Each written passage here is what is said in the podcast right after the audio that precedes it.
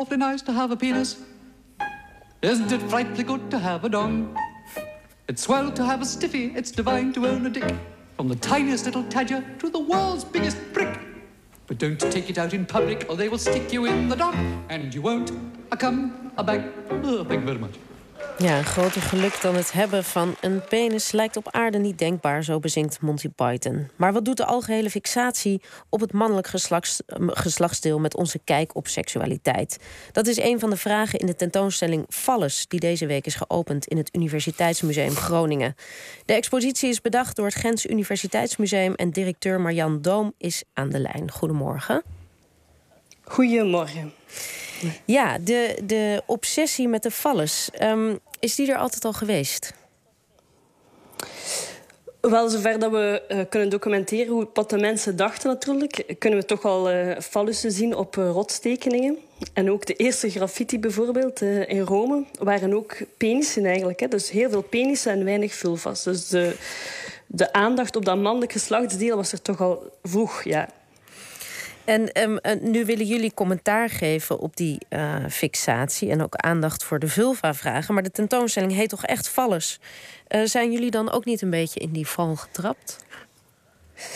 Ja, of onze bezoekers die komen trappen misschien in de val. Hè? Eigenlijk proberen we Fallus wel op een soort uh, piedestal te zetten, maar om hem er meteen ook weer vanaf te halen. En het idee om de expositie dan toch Fallus te, te noemen was ook een soort het uh, voorhouden van een spiegel. En mensen worden aangetrokken tot die titel en gaan er meteen al uh, allerlei dingen bij fantaseren. Ze denken dat ze heel veel piemels gaan zien en heel veel verschillende vormen en maten en zich vooral gaan kunnen vergapen.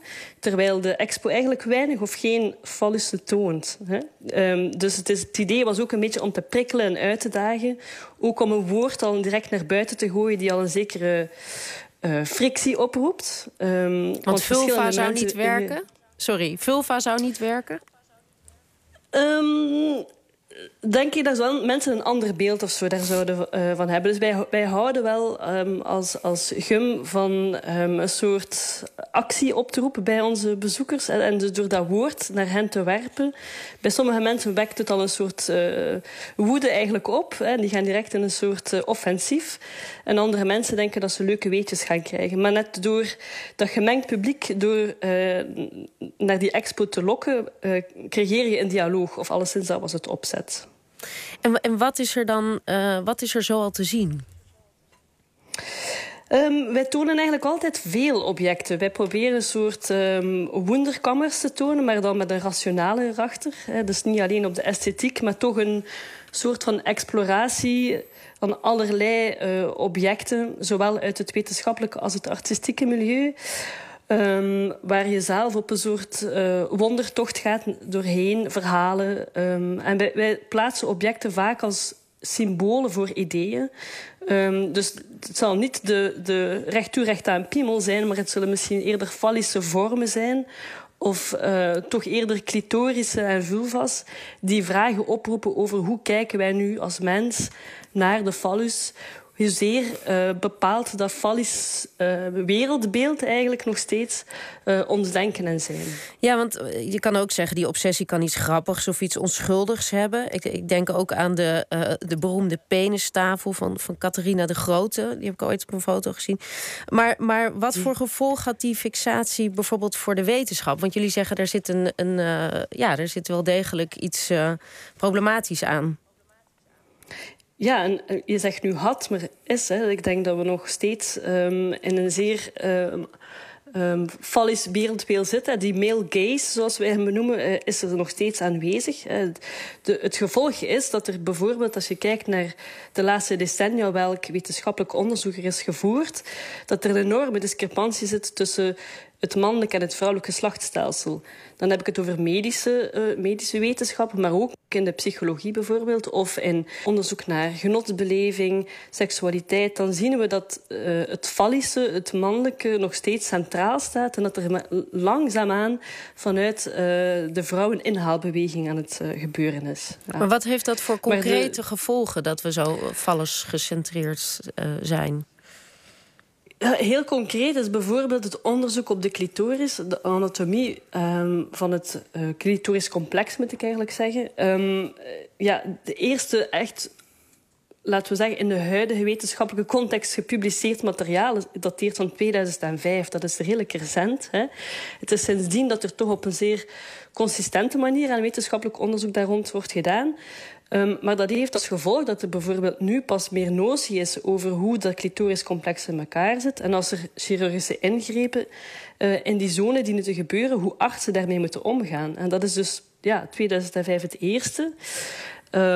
Wij tonen in de expo bijvoorbeeld nu uh, vanuit een aantal internationale onderzoeksgroepen uh, waar zij staan op dit moment rond het anatomievraagstuk en de functionaliteit van de clitoris. Dus dat speelt vandaag nog steeds. Hè. Er, er heerst op dit moment wel wat discussie over hoe die anatomie nu precies in elkaar zit.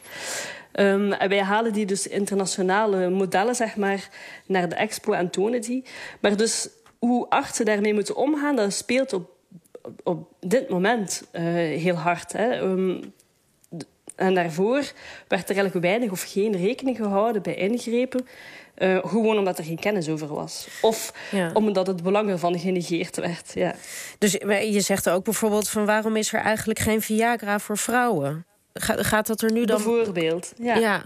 Gaat dat er nu dan komen? Ik bedoel, is het aan een inhaalslag... is de vulva aan een inhaalslag begonnen?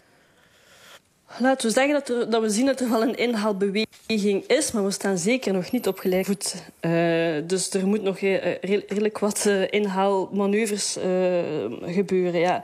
Maar we zien dat de, het geld dat gepompt wordt vanuit de farmaceutische in, industrie, waar natuurlijk ook veel onderzoek gebeurt, hè, dat die gedreven wordt nog steeds op het mannelijk voorplanting, maar ook um, um, ja, vooral op, die, op de erectie, zeg maar. Dus op genotsbeleving enzovoort. En weinig op, uh, op de vrouwelijke genotsbeleving. Ja. Daar zit uh, verandering in, maar we zijn er nog niet.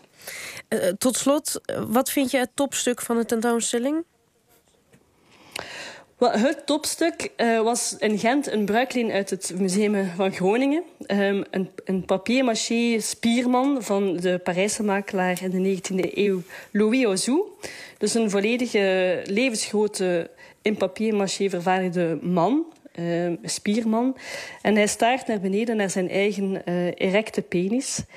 Um, met een blik die je op veel verschillende manieren kan interpreteren. Je kan zijn blik interpreteren als een... Um, ben ik normaal? Is mijn lengte normaal? Um, hij kan er trots op zijn. Of, dus naar lang de vraag die je stelt... en naar, lang je door de expo loopt... en je andere vragen krijgt, krijgt toegereikt... kan je zijn blik op een andere manier interpreteren. Goed, hartelijk dank Marjan Doom, directeur van het Gens Universiteitsmuseum. En Valles is nu te zien in het Universiteitsmuseum Groningen. Wim, ga jij uh, kijken? Ja, en ik ga zo een mooie overgang maken ook. Oké, okay, nou, ik ben heel benieuwd.